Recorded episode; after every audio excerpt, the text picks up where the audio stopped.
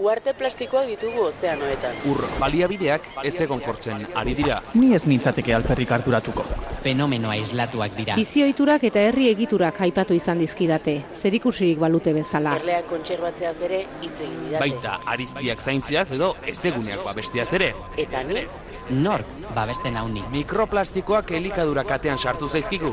Ez zer ez da perfektua. Bioanistasuna galtzeak atzera bueltarik gabeko ondorioak izan ditzake. Lasaitu zaitez, ez da inbesterako izango. energia erabilerari eta garraioari loturiko isuriak izugarriak dira. Ez du nik erabaki horrela izateri. Aro geologiko bat markatzeko adinako eragina izan dugu. Evoluzioaren aztarna, arro, egoteko modukoa benetan. Baliabideen erauzketak arrakala sozialak handitu ditu. Zer diozu? Nik ez dut alakorik egin. Eragindako inpaktuak direla eta muturreko fenomenoak ugaritu dira. Nire inguruan ez dut hori sumatu. Euri azidoa bertan da. Bizitzak aurrera darrai. Bai? Ziur, Gelditu makinak. Gelditu makinak.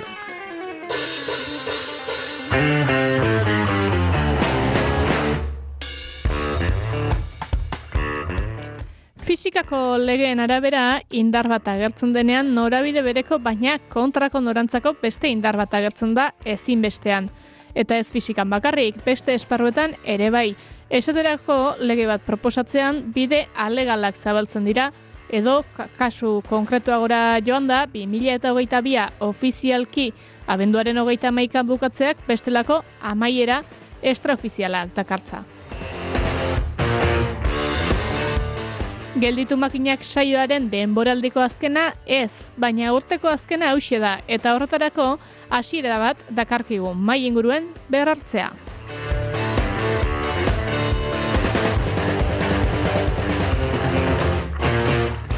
Fisikako arauetara mugatuta ala ez, Jokin Aldazabal kazetarioia eta Aitziber Sarobe biologoa izango ditugu gurean eta proposatuko dizkiegun gaien artean izango dira etxeko animaliak babesteko lege proposamena, politika energetikoak biodibertsitateari buruzko goi bilera eta beste hainbat.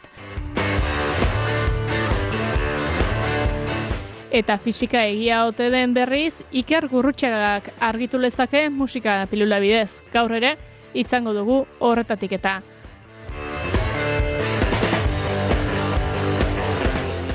Bi mila eta hogeita biko abenduaren emezortzi egun handiaren biharamunean, badator gelditu makinak saioaren hirugarren denboraldiko hamalaugarren atala.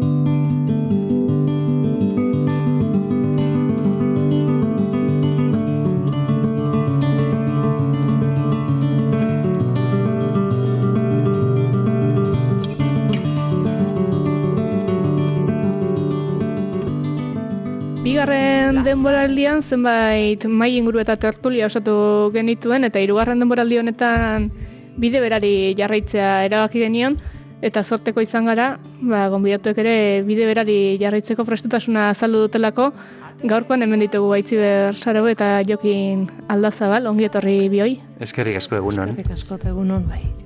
Eta zuekin tertuliak nondik nora jotzen duten aski ezaguna zaigu, beraz nik abia puntua emango dizuet. Ez dakit hori oso gauza hona da, esan duzun hori. Bueno, tertulia denez gero agian bai. Baina tira, bueno, abia puntu bezala, pixka bat azken egunetan eta irakurri ditugun gai batzuk prestatu ditugu, eta azken orduko aldaketarik ezean, aipatu beharko da, bai Espainiako gobernuak animalien ongizatearen lege berria onartuko duela, eta era berean Eusko Jaurlaritzak ere etxeko animaliak babesteko legearen proposamena bideratuta duela, eta bertan azaldu dutenez, bueno, hartzaintzakur, reizazakur, polizia zakur eta gixako lanak egiten dituztenak beste multzo batean sartuko dituzte, baina ez hori kontua, baizik eta animalien ongizatea legeztatuko dela, eta jakin nahi nuke ikusi alduzue proposamena edo ze, zer iritzi lehenengo puntuan, gero sartuko gara gehiago, baina Bueno, em, hola, bote prontoan hitz gutxitan eskatzen baldin badidazu, niretzat eh, astakeri bat esango nuke.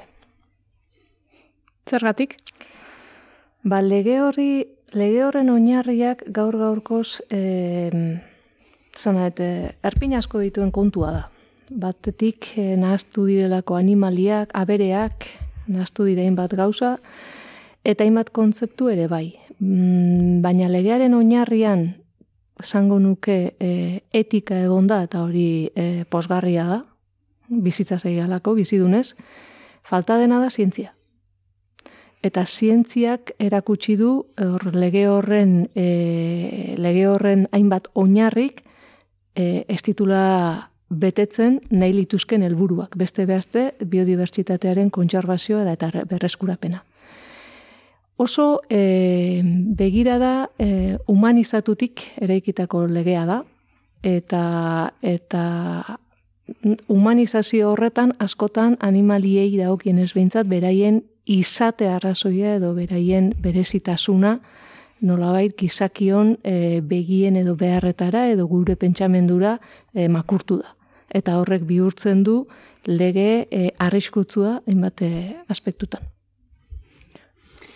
Bueno, e, kategorikoa izan, izan da, nik zenbait alderdiri heldu nahi nioke, eta mm, maite baldin badiazu baimena, Eli, e, jainismoaz e, zerbait aipatu nahi nuke. Zagutzen, zagutzen duzu jainismoa? Ez. Ba, budismoaren inguruko mm, erligio edo, edo e, praktika bada, eta hauek bereziki bereziki e, arimaduntzat jotzen dituzte ez, ez, gizakia bakarrik baizik eta animaliak landareak eta eta harriak ere hortzen hortzen bat eh? eta eh, esaten diet dute izaki izaki bizi orok duela arima eh?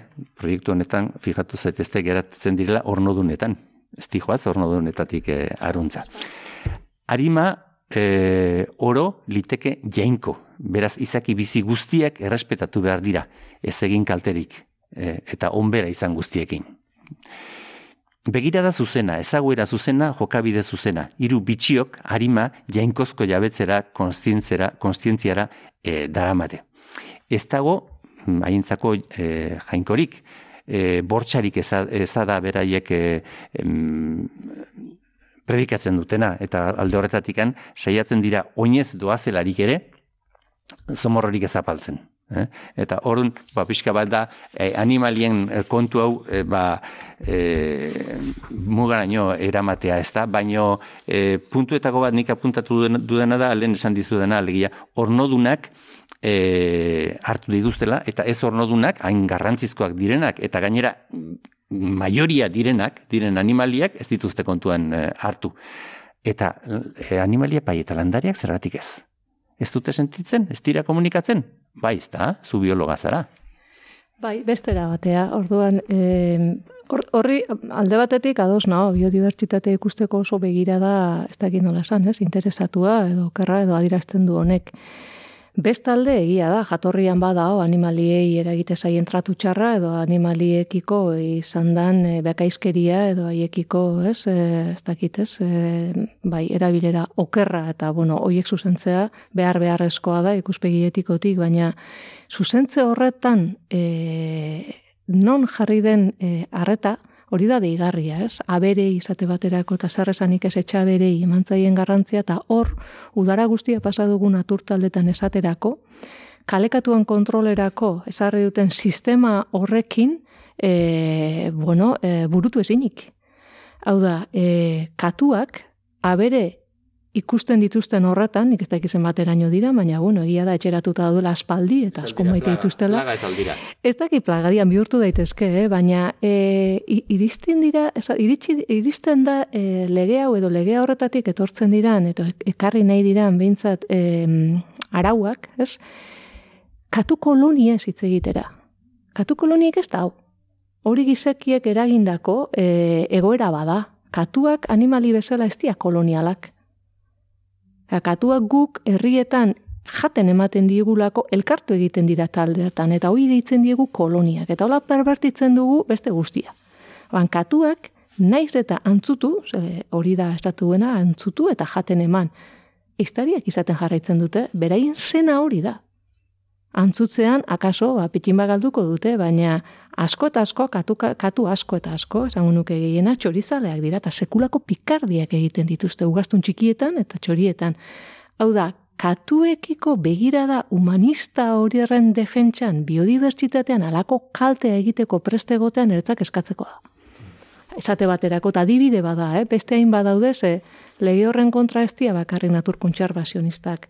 E, atera, atera dira, e, albaitariak, atera dira, bueno, ba, e, animaliekiko hain humanista estan e, begirada ez daukaten beste guztiak, eta ez biodibertsitatean kontra gaudelako, edo ez daukagunik animaliekiko begirada hori, baizik lege hau, ba ez dakit, e, oso begirada, ez dakit nola esan, okerrarekin irudikatuta delakoak kendu gabe, zeukan intentzioa.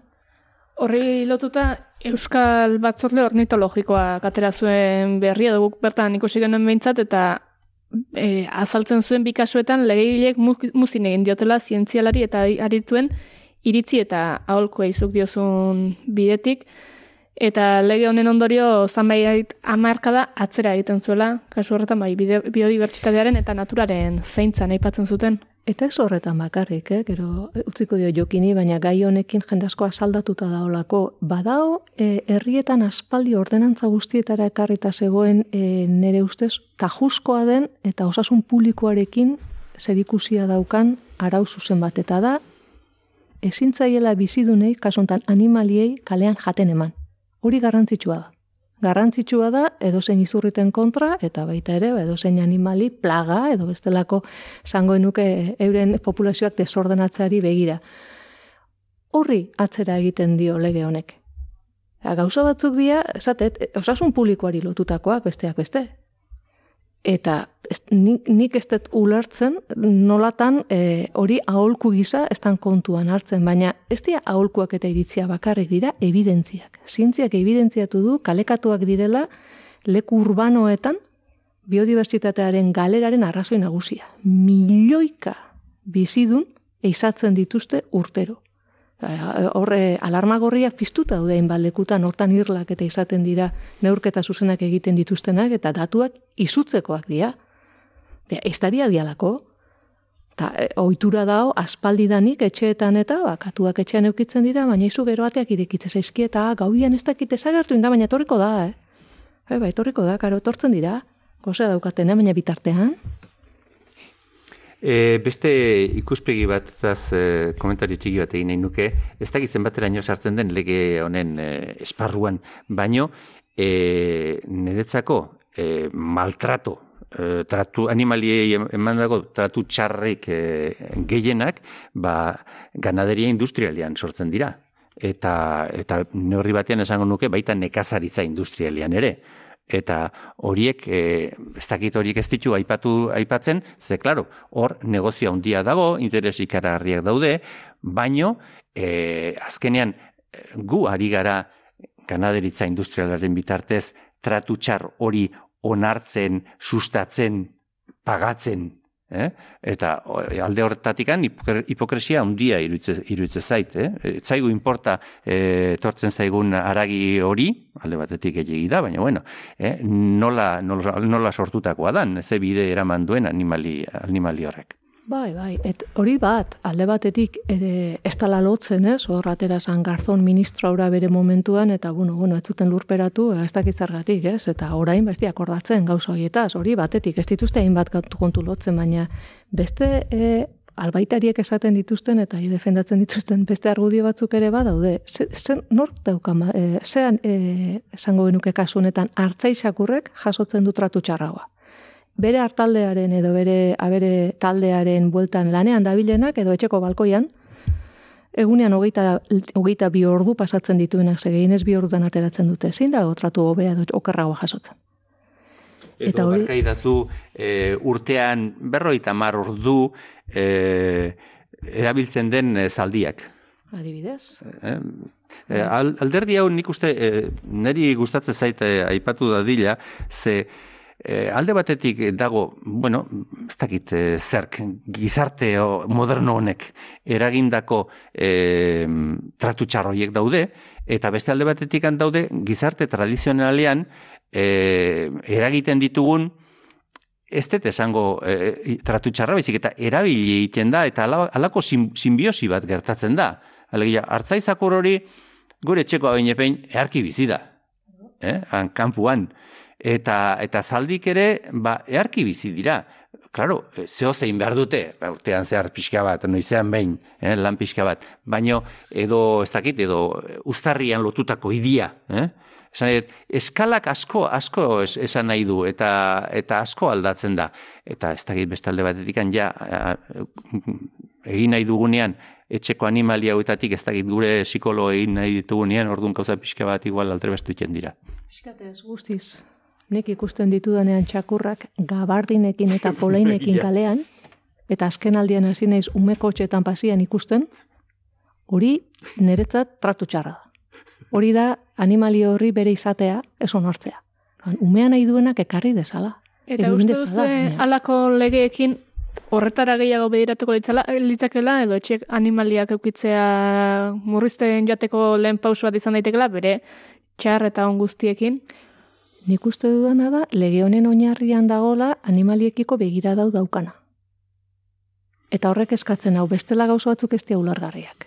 Hau da, e, jokinek bere zera hasi du ez, e, begirada etiko horrekin, eta bueno, hori, hori izan daiteke erlijio baten kontua, baina nik esango nuke animistak e, izan dian e, herri guztiek euki dutela bizitzarekiko eta bizidunekiko errespetuzko, nola baiteko etika bat, ez?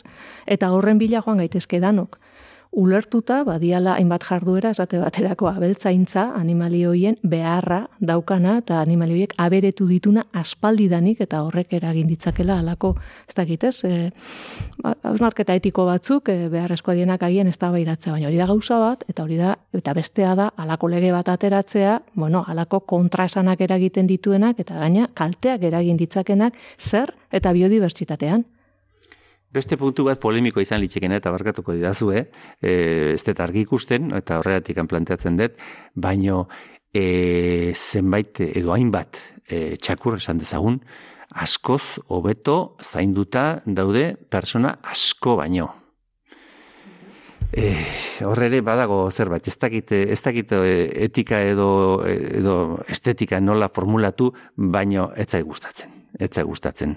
E, onartzen, onartzen dugu e, jendea kalean e, bizitzea eta aldi berean ertzainak e, juten dira aldi berean begiratuz, aber hor lotuta dauden zakur horiek ondo, ondo tratatuta eta ondo elikatuta dauden eta eta bar.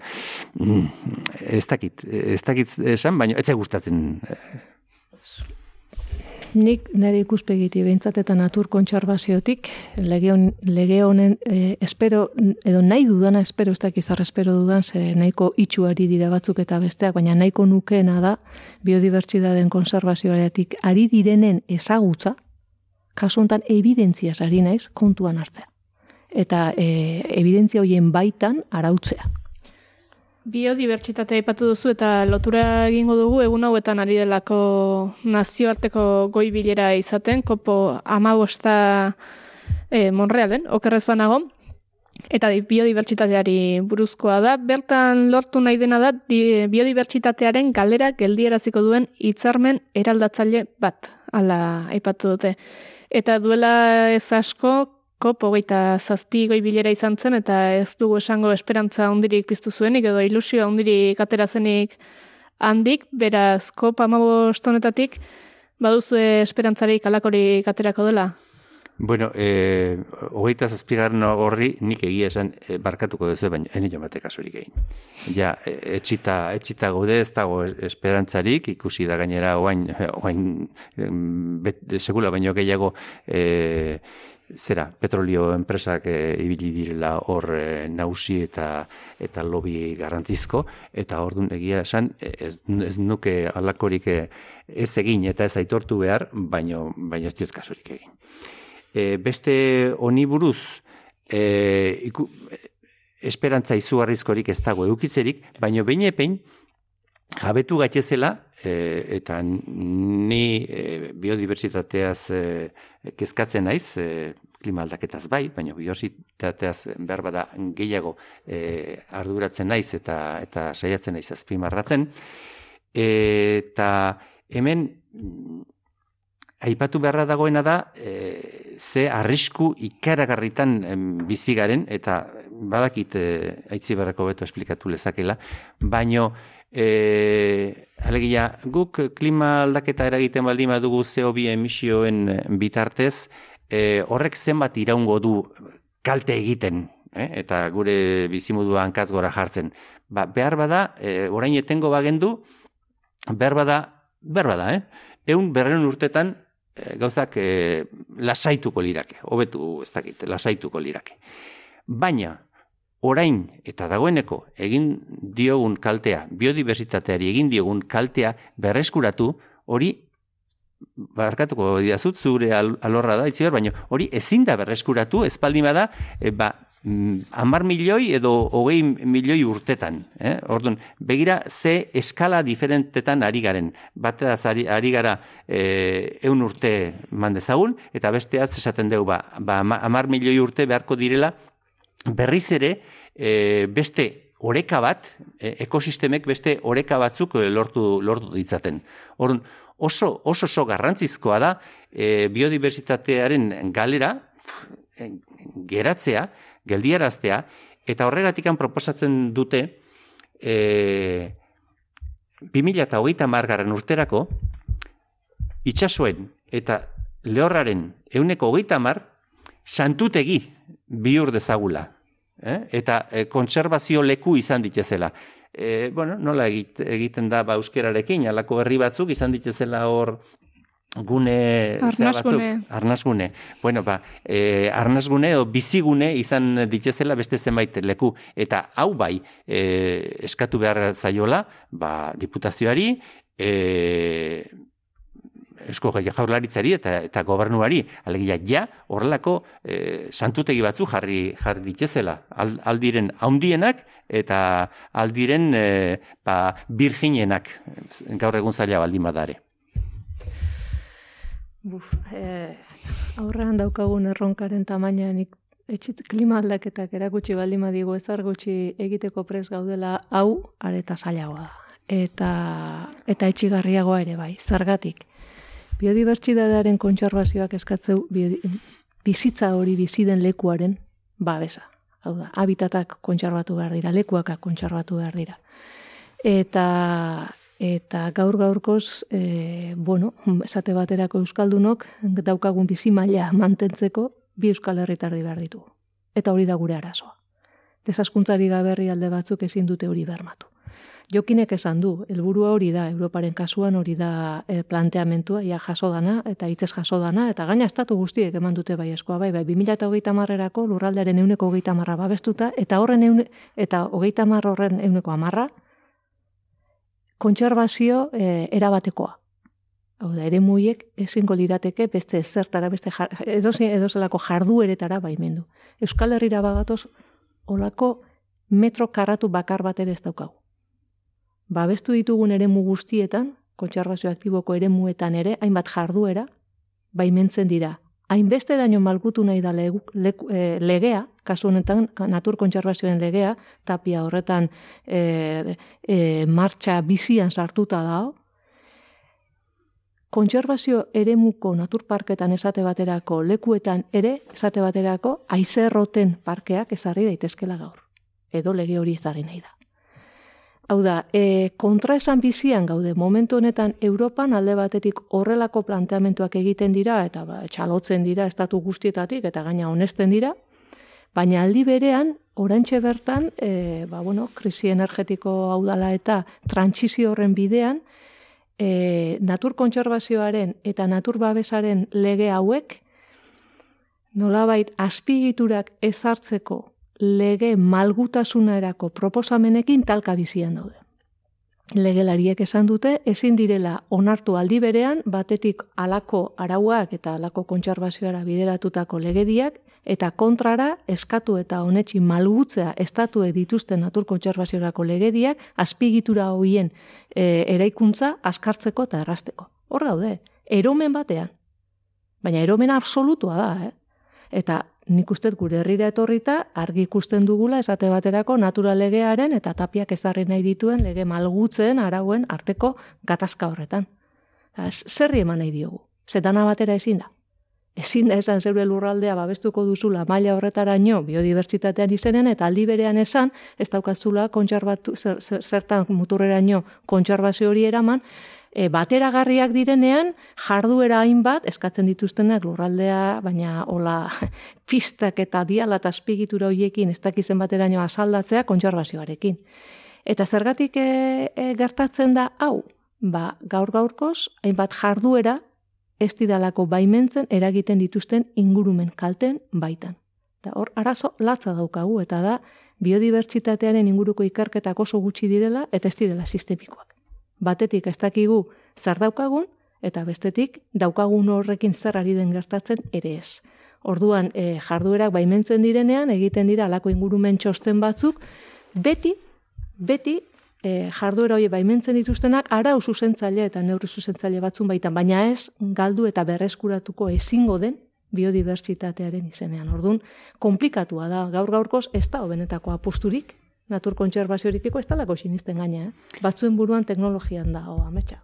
Eta ez dakit, e, konpartitua den, baina nik, e, zera, beldur desentekoa, desentekoa ez, handia, sentitzen dut, e, biodiversitatearen galera honek, dakarren problema bere alakoa iruditzen zait, eta, eta e, gero, el, gehitzen baldima digu, klima, klimaren berotzea, e, energiaren gora berak, eta bar, ba, bain, eta problema da, e, epe labur txamarrerako ikusten dudala, e, janariaren, janariaren problema. Legia, ez dugula izango modurik e, e, janaria behar bezala eta behar adina e, sortzeko eta horrek sortuko dituen arazo gehigarriekin. E, mm, mm, beldurgara zait. Hor sartuko gea eta sartu gea dagoeneko mm, ez ezaguna den eremu, eremu batian. Guk izakiok gure ingurunearen menpekua gea, espadu guzti ere, eta baditugu gainerako bizidunekin e, ondo ezagutze ez ditugun harremanak. Ez dakigu, sare horretan, zenbat zulo egin ditzakegun, gugeu zulo egitako baten bera, erori gabe. COVID-19 alarma batzuk piztu ditu. Eta piztu dituen alarma da, e, batzuen begirati behintza, teknologiari lotutakoak, ez? E, ze, ze aukera daukagu, ze denboratan sortu altzaizkigun horrelako arazoi aurre egiteko, eta hori proba bat izan da. Kontua da, mm, daukagun krisi ekologiko globalarekin aurreikuspenak diala olakoak izango direla gogorragoak eta sarriago. Eta hor, mm, de, birologoek esate zutun bezala, ez? Ere mu, ez ezagun batean sartuko gara. Ezin bestez, guge biziduna gehalako eta harremanduta gaudelako gurekin batera evoluzionatu duen bizitzarekin. Harreman batzuk ezagutzen ditugu, baina beste asko ez. Orduan, eh, hortari gara jolasten. Eta jolasten oso modu arriskutzuan, eh? oso modu arriskutzuan. Horain etorri zait gogora, eh, Jonathan Franzen dala uste, eh, zera, ornitologo amerikanoa eta idazlea, eta hala, eta are, eh, bueno, gabe, esatezun, bueno, alde batera utziko ditugu, nereatikan esaten du berak, nereatikan utzi ditzake alde batera eh, klima aldaketari dagozkion arazoak, ze eh, biodiversitatearen galeraren kontra edo biodiversitatearen alde, bea, or, or, txorizalea da oso. E, egin, ditza, egin ditzakegun aleginek bere alako, bere alako e, frutua ematen, ematen dute, eta besteak, o, zera da. Bueno, aukera bat da, e, ez bai. dago aukeratu beharrik, baina, bueno, jarrera bat da, interesgarria iruditzen zaidana, eta, eta gogoan geratu zitzaidana. Bai, eta nik heldu nahi diot, janariaren kontu horri, ez? Em, momentu honetan intsektuen ezagutu ditugun, ezagutu ez ditugunak segurazko izango dira dituguna ezagutuen naiz elkatu zen nahi dute hau doalako abia da bizian eta desagerpenaren e, iraungipenaren, ze, iraungipena sari gara, eh? zeigarren iraungipen masiboa hitz egiten da. Guk ezagutu ditugun espezien e, zeitik bat desagertze bidean daude. Orduan, e, esan nahi dut, iraungipen masibo baten garaian gaude. Baina esate baterako hor, e, bizidun taldeetan, gugeuk ezagutu ditugun hoietan behintzat, intsektuak dira kaltetuenetarikoak. Eta intsektuak dira polinizazioaren erantzule nagusienetako bat. Polinizazio hori gabe, landaren e, ugalketarik ez dago. Eta landareri gabe, gure, gure biziraupena, ez nabil e, beste animaliena, gurea, kinkalarrian dago. Hortxe gabiz. Gure atera bide bakarra da petroleoaren garestitzea eta horregatik e, beste fertilizante eta beste zera ante eta guzti hoiedanak garestitzea eta ez erabiltzen astea. Baina atera bide bakarra, pentsa zer nuan, hori da, eh? pixkate bueltatuko bagara lenora. Eta hori ere gure herrirak dezakegu, emateu eskala globaletan gabiltza, baina zeinek, e, e, zeinek gozatu du jundaneko gehi urtean lore kolore diferentekoz betetako zelai baten udaberria. Eta zenbat tximeleta ikusten dira? Adibidez. Klase bakarra azpaldi hontan gure, gure alde horretan. Azpaldi. Bai, ikeragarria Baina ikaragarria da, ni, ni nire txikitako irudiak udaberri handia kolore guztietako eta forma guztietako lorez estalitako segabelardiak, eh? Hmm. Ez larreak, segabelardiak, segabelardiak zian. Gaur, txikori belarraz gaitzar dao. Eta e, edozen kalekumek e, ikusi lezakena, legia bidaia egin Bai, eta bai. kotxea e, eltsoz garbi. Eh, ez gare Bai, batian bai. bezala. Ez, Hor, hor, zanait oso denbora gutxian gertatu dian kontua dira eta gure biziraupena da, jokuan, eh? Ez pentsa, ez nahi zai kasu honetan biodibertsitateaz, eta ez, ez, ez. Martxa hontan ez teuen zulea, pozik saltoka jarriko. Ez, eh, Ez, baina hau bai da, hau bai da gailarria. Krisi ekologiko globalaren eta hortan jokinekin bat egiten. Krisi klimatikoa hor dau, horri ordu asko eskaini zaizkio, azkenean ontzat eman da, kontra asko inagatik, baina horren ondorio larriena, hause da, eta eta esango nuke, eta adosna ornitologo horrekin, eta beste guztiekin ere bai, klima aldaketak baino gehiago, klima baino gehiago sufrituko dugu, seguru asko, biodibertsitatean galerarekin. gainera ziur aski bat besterekin lotuta eta batean eraginda bestean ere eragiten ariko garelako. Hor, barkatu, aitziber, hor tormenta perfecto bat dao. Alegia, zuk e, gu jartzen baldin bagaituzu er, hor erdian, ba, alde batetik eraso, erasoko gaitu, eraso, erasotzen, e, eraso egiten ari zaigu, e, klimaren e, berotzeak. Beste alde batetikan, e, biodibertsitatearen galerak. Beste alde batetikan, e, horrek ekarriko dituen inmigrazioak. Horrek ekarriko ditun e, ezin biziak, gerrak, e, ez, dago, segi berrik. Bai, hala ere, e, hor esan duzun horren kasuan eta bueltatuko jokinek egin duen arrazoik eta horretara zuzena dalako. Klima aldaketak eragiten du biodibertsitatean. Galeran eta aldaketan, hori horrela da. Ge- Gertatzen hasita daude, eh? basoak eh, ari dira e, eraldatzen, beren espeziak aldatzen, hau da, hori e, e, ziklo naturala da, eta lurraren historian horrela izan da, eta horrela izango da.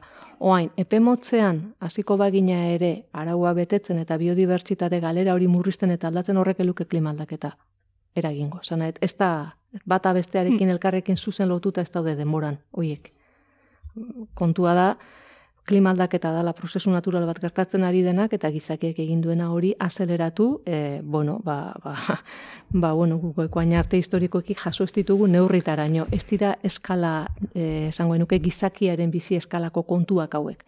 Orain, epe motzeko e, e, geure e, superviventziari begira, lehenbailen hasi beharko genuke, biodibertsitatean galera hau, gutxienez insektuei eta, en fin, janak eragiten diotenak eta abar gelditzen. Hori, hori latza izaleike. Pixka bat e, salto egingo dugu eta aipatu dugu entzule ez dugula pozik jarriko eta saltoka ipiniko urrengo gaiarekin ere ez, aurreratuko dugu. Baina, bueno, e, garrantzitsua iruditzen zaigu eta eta erregaiak aipatu nahi nituzke, ze azkeneko hilabeteetan laguntza izan da, litroko hogei zentimo inguruko laguntza izan da galsolineretan eta erregaiari dagokionez, eta 2000 eta hogeita iruari begira ez dago argi ze laguntza horrek zer egingo duen, edo zertan geratuko den, liteke omen da e, behar gehiena duten kolektiboei mugatzea, eta hor sartzen zituzten Espainiako garraio ministroak bintzat esan zuen, garraioari, arrantzari eta nekazaritza eta beltzaintzari mugatuko zela laguntza hori. Gero egia da baita ere, aipatuko dugu, erregai hauek izatez duten prezioa edo estrakzio prezioa ekostua, baina prezio merkeagoan iristen direla gure gana, eta estrakzio hori gero eta garestiago izango dela, beraz ez dirudi horren prezioa mugatuko denik, Bueno, horre maila sozialean eta asko mugituko duen kontu bat izango da. A ber, hemen, hemen ere kontu asko dago. E, nik ez dut lagun asko egiten. E, berezik esaten dudanean, eta uste batzuk gamak esaten, energia merkegia dela. Energia merkegia da, eta horrek e, sortarazten digu, ba, ba, era guztietako kaltea, bueno, klima aldaketa, berak eragiten digu, eta, eta biodiversitatearen galera ere, neurri batean, neurri handi batean, hortxe dago. E, zer gertatzen da, zuk esan duzun bezala heli, ba, e, petrolioak eta, eta eratorriek, dauzkate externalidade batzuk, ordaintzen ez, ez direnak. Eta ordun horren ondorioz, e, ba, energia, oraindik ere, oso merke erosten dugu. E, gure, hau atxatu izan da, hau e, fizikari amerikar bati irakurren, irakurren nion, e, guk erabiltzen dugun energia, hilean, hilabetean, eta, edo, gure denboran erabiltzen dugun e, energia, ba, zenbat erabili genitzake, zenbat kilobatio, e, ba, berreun, e, lareun, ez pos mila, mar mila, ba, mordo bat. Bueno, kontua da, horren ekibalentea, hm, gizakiek egin beharreko e, lana balitz, edo gure esklabuek hmm. egin beharko balute, da, eh, full time, gure esanetara, berreun esklabu eukitzea. Eh? Beraz, horrek ematen, ematen digu e, idea zenbaterainoko energia pila ikaragarria xautzen dugun. Erabiltzen dugun, esango dugu eskok, baina xautu erabiltzen dugu. Orduan, e, itxuragabeko itxuragabeko mundu batean e, bizi, bizi gara e, energiaren alde, alde horretatik eta garestitzeak, oraindik ere garestitzeak, energia hori garestitzeak, mesede handiak ekarriko lituzke. Ez dut esan nahi repsolentzako, edo zepsalentzako, ez espailukete haientzako izan behar irabazioiek, baizik eta estaduarentzako, ba, e, gauzak bere onera ekartzen lagunduko luke energiaren garestitzeak, ba, industria relokalizatu ingo luke, gure lantokiak gerturatu ingo lirake, eh?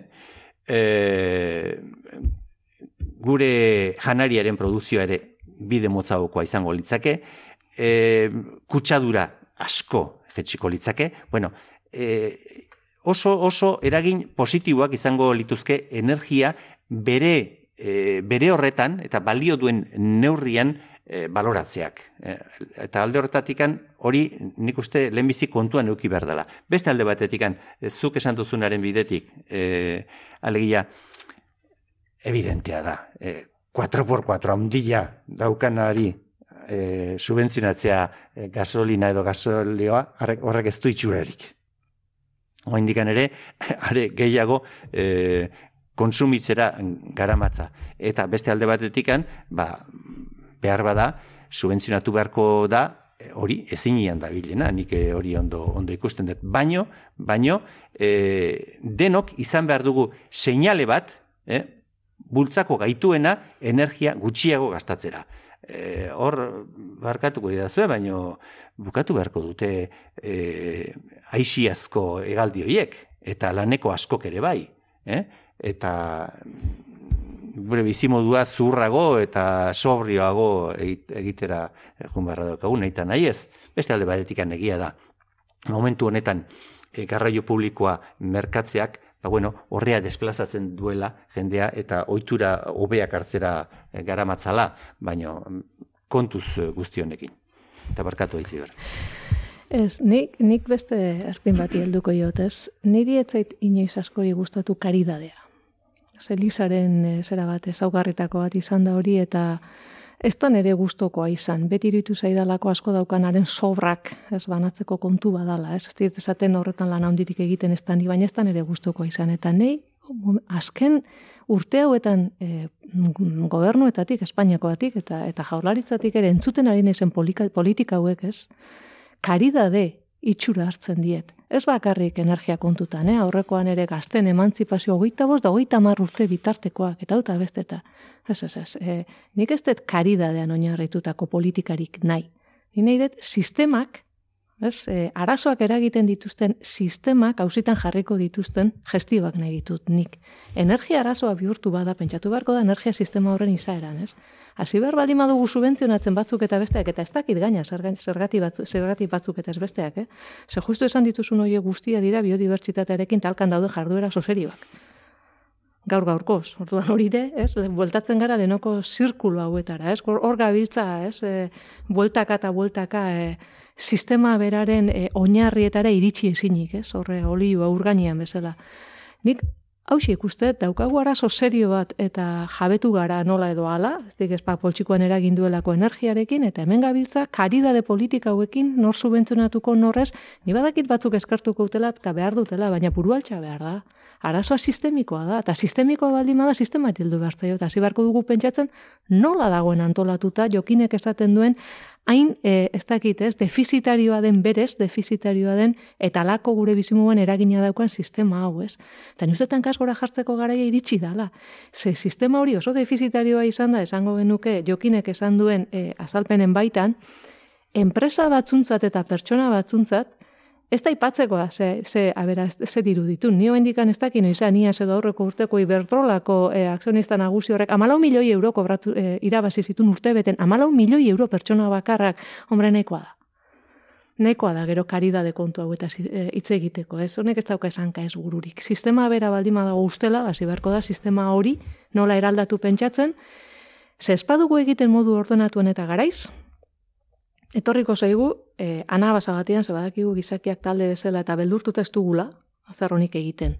Ba, nik uste, orain dala garaia, pentsatzeko, ba, gure garraio sistema hauetan, nolabait gizartea daukagu antolatuta, antolatuta daukagun bezala, ados nao, ez, e, gertukoagoak diren, bestelako ziklo batuetara bueltatu beharko dugula, ekonomia zirkular horretara, irudikatzen hasi beharra dago, baina edo azten gara pixkanaka modu ordenatuan, edo iz, okarrago izango da, beraz, ni uste berandu gabiltzala, gauza guztietako, eta honetan ere bai, baina ikuspegi sistemiko batetik, ez, dirula, ni dirulaguntza huena tauta beste bai bai, baina e, ez dakit ridikulo egite zait. Ridikuloa batez ere energiak ematen dit enpresa batzui eta pertsona batzui ematen dizkien diru irabazia kontuen eukita, eh? Eske lotxagarria da, Elizakin gertatze zitzaidan gertatze zait ikusten duzunean e, horre, San Pauloko e, Vatikano eta kokupulo horiek eta gero bai txiroi diru emate. E, e, zerbait ez da ondo.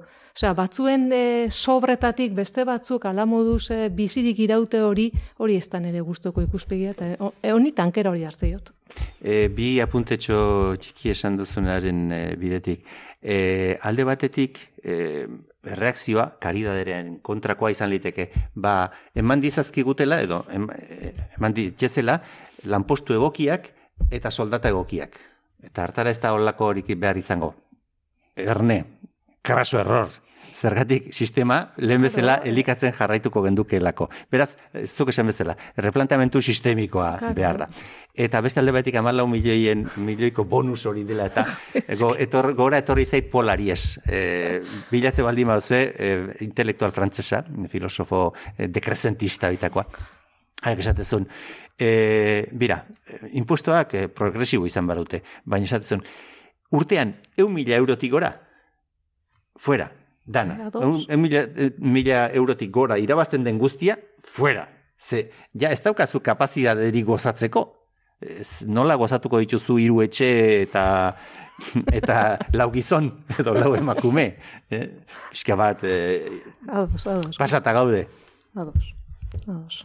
Eta uste duzu sistema berplanteatzea zari gara, baina eta karidadeari uko egiteko ere, baina lehenik eta behin e, ohitura aldaketa bat izate horretan, ez duke balioko orain ere luzatzeko asmoa agertu duten, naiz eta ez dagoen argi zeinek ordainduko duen garraio publikoko obariak eta ematen jarraitzeko asmoa dirazi dute, beraz, autopartikularrak utzi eta garraio publikoa, e, zerbitzu publiko hori indartzeko bidean, ez luke lagunduko lehenik eta behin ohitura hartzeko Bai, baina hor, botatu gonez, jokinek esan duenera.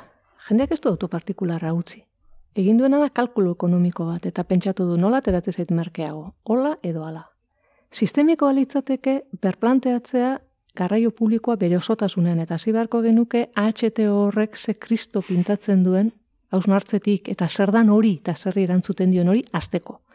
Joan beharko genuke baita ere loiura, eta hausnartu beharko genuke, Ez, e, berak jokinek esan duen aixialdiko hegaldi guzti hoien gaur gaurkoz, hoien ingurumen eragina zein dan, hoien kostea zein dan, hoien mantenua zer dan, eta gero iritsi beharko genuke gure gertuko garraio bideta. E, lehen karlista garaiko trenbide zarea daukagu.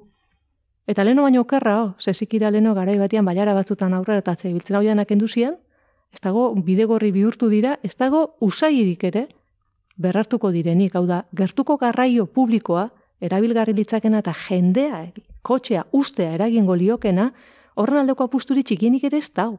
Eta daudenak dira donostiko metroa bezalako astakeriak. Zori beste astakeri badan izango ditu donostik zertako behar duen metro bat daukan dimensioarekin herri horrek. Ez dago sistema, sistema hau aldatzeko garraioren ikuspegitik inolako planteamentu seriorik.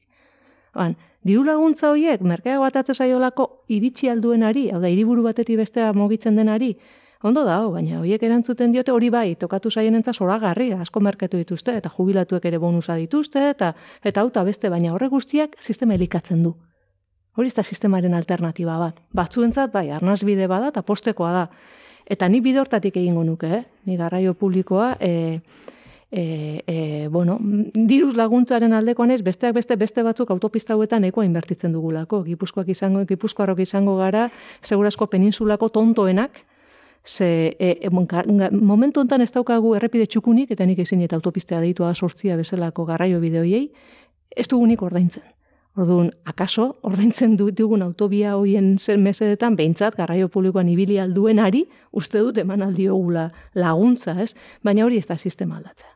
Hori da, partxe, ala moduzko, ez dakit, kontzientzia harintzen bat ematen du, ez? Gaur alizakin sartuta, na? baina ez, zera hori ez, horre konfesionarietarako harik eta txikietako bat, ez?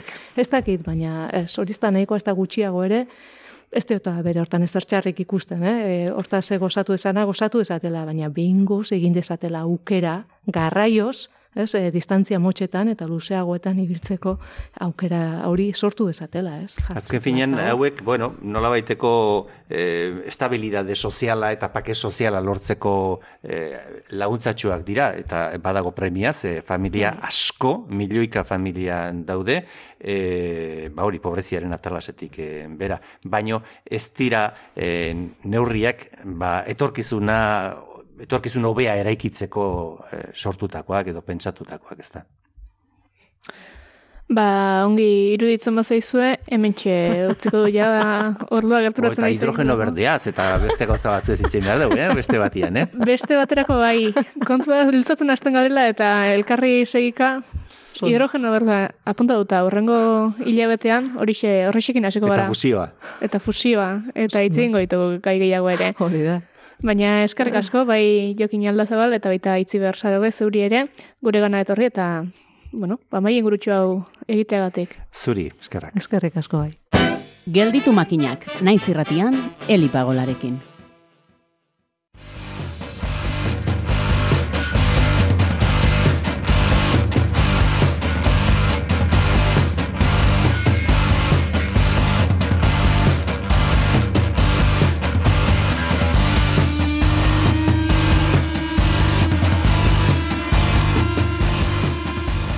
Eta, ba, geunden, zai geunden, hasieran ere esan dugu bazetorrela, eta pilule natalean, musikaren natalean, norbestela, iker gurrutxaga ez bada. Ongi etorri. Kaixo, zer? Ongi, zure musika proposamena zein izango den, horrelaxe hortzak zorroztuta ditugu. Aurreko batean esan zen nuen, garaide ezberdinetako analisiek ekarko dizkiguzula, eta orain honetan Atzera xamarra ingo duzulakoan dago? Bai, bai, bai. E, berrogeita amaika. Ez, gehiago, berrogeita amairu urte atzera. Urte atzera. Baten bai. batzuk ez ziren jaioak izango. Gu gau ez? Zintzat, eta eta beste asko ere, ez? E, bueno, e, irurogeita beratzeko, benito lertxun diren kantu bat. Ez dok amairu albumean ateratakoa, herri gogoa diskoetxearekin, ja, urte batzuk, bai. Eta kasu honetan, ba, ba esaten duen letra, ez, ez da kantu luzegia, E, Benito eta gitarra, besterik ez. Hau da, bueno, ez espero gaur egungo Benitorik eta horrelako konturik. Etzulei, bada ez, bada, hori ere esango diegu. Baina, e, esaten duena, e, ostras, irakurri nuen eta esaten duen. Jo, ma, ba, begira, gaur egun akaso e, zentzua galtzen duen gauzetako bada ez. Eta da, e, esaten duena da. Mendiak zuaitzak baditu, ibaietan ura dijoa.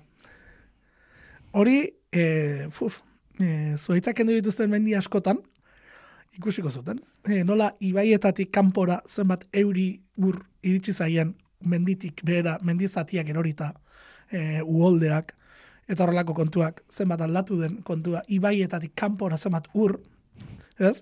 Eta txorakeria bat dirudi. Eta ibaietan zenbat lur. Hori da, ez? Eta txorakeria bat dirudi, baina begira horrela esten du kantua. Eta gero, e, bueno, esaten du, e, udaberri argitzu loretsu, udazkena berriz, ebitzu. Claro, ba hori ere, eh, ba, kaso eh, aldatu da, zertxo bait, eh? Eta, eta esaten du, bueno, gero esaten du, gizona da bizitzarako egiak haundiak dira. Esaten du. Baina gero, esaten du, egia, egia, baina egia zertarako. Ez? E, zertarako daukagu egia, eta hor da gogo eta, ez? E, esaten duen hasiera hori, ba, egia bat bazen, ez? Baina zertarako ez bada gero, ez, ba, kasurik egiten. Esan dut, batzu kontemplalareoak bazirela, eta zenbatek ez du, ez zen konturatuko, zenbat eta zenbat ez ziren konturatuko, mendian zuetzak kendu dituztenetik, e, sortu direla bere inguruan akaso ez, horrelako uholdeak eta horrelako arazoak ez. Ba, egia kantua esan duzu, Benito lertzen direna, entzun egingo dugu. Hori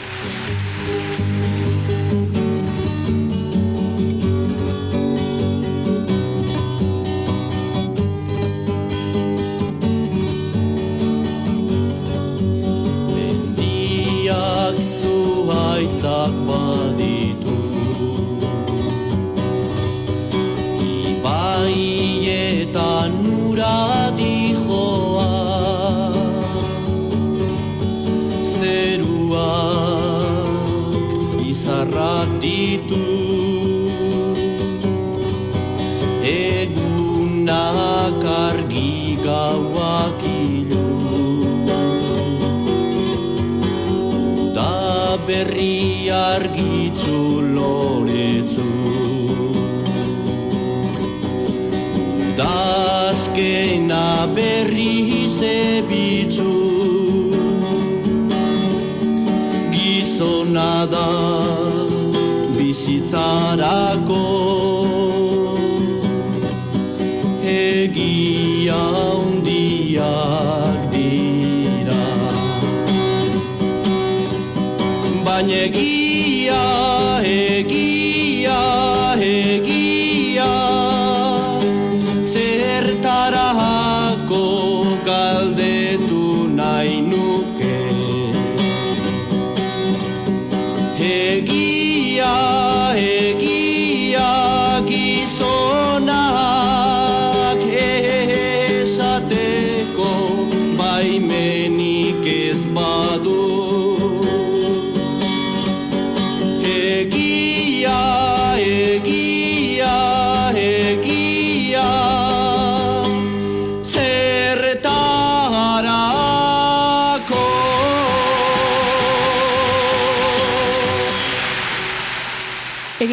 kenduko Benitori. Esan ditu batzu gainera. Bai. Esan zituen. Duela berrogeita meiru urte.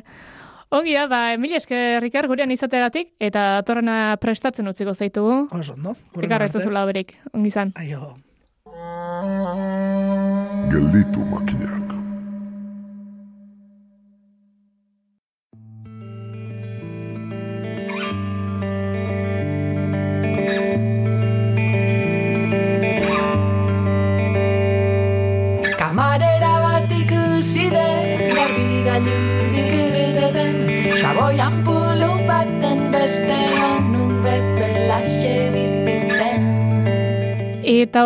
Gainera etorri baino lehen, gu honixekin agortuko gara entzule. Ongi ongi izan, eta ea laster egiten dugun topo, gelditu makinak saioaren bueltan. Laster arte.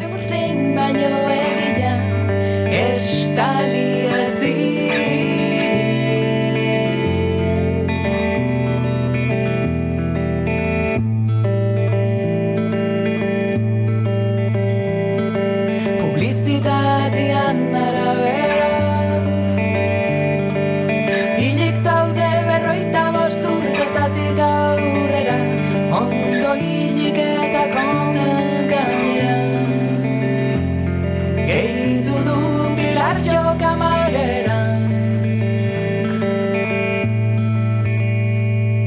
Xaboian bulu baten barru Bezainan da bizilitxak ebeste daunu Ampulu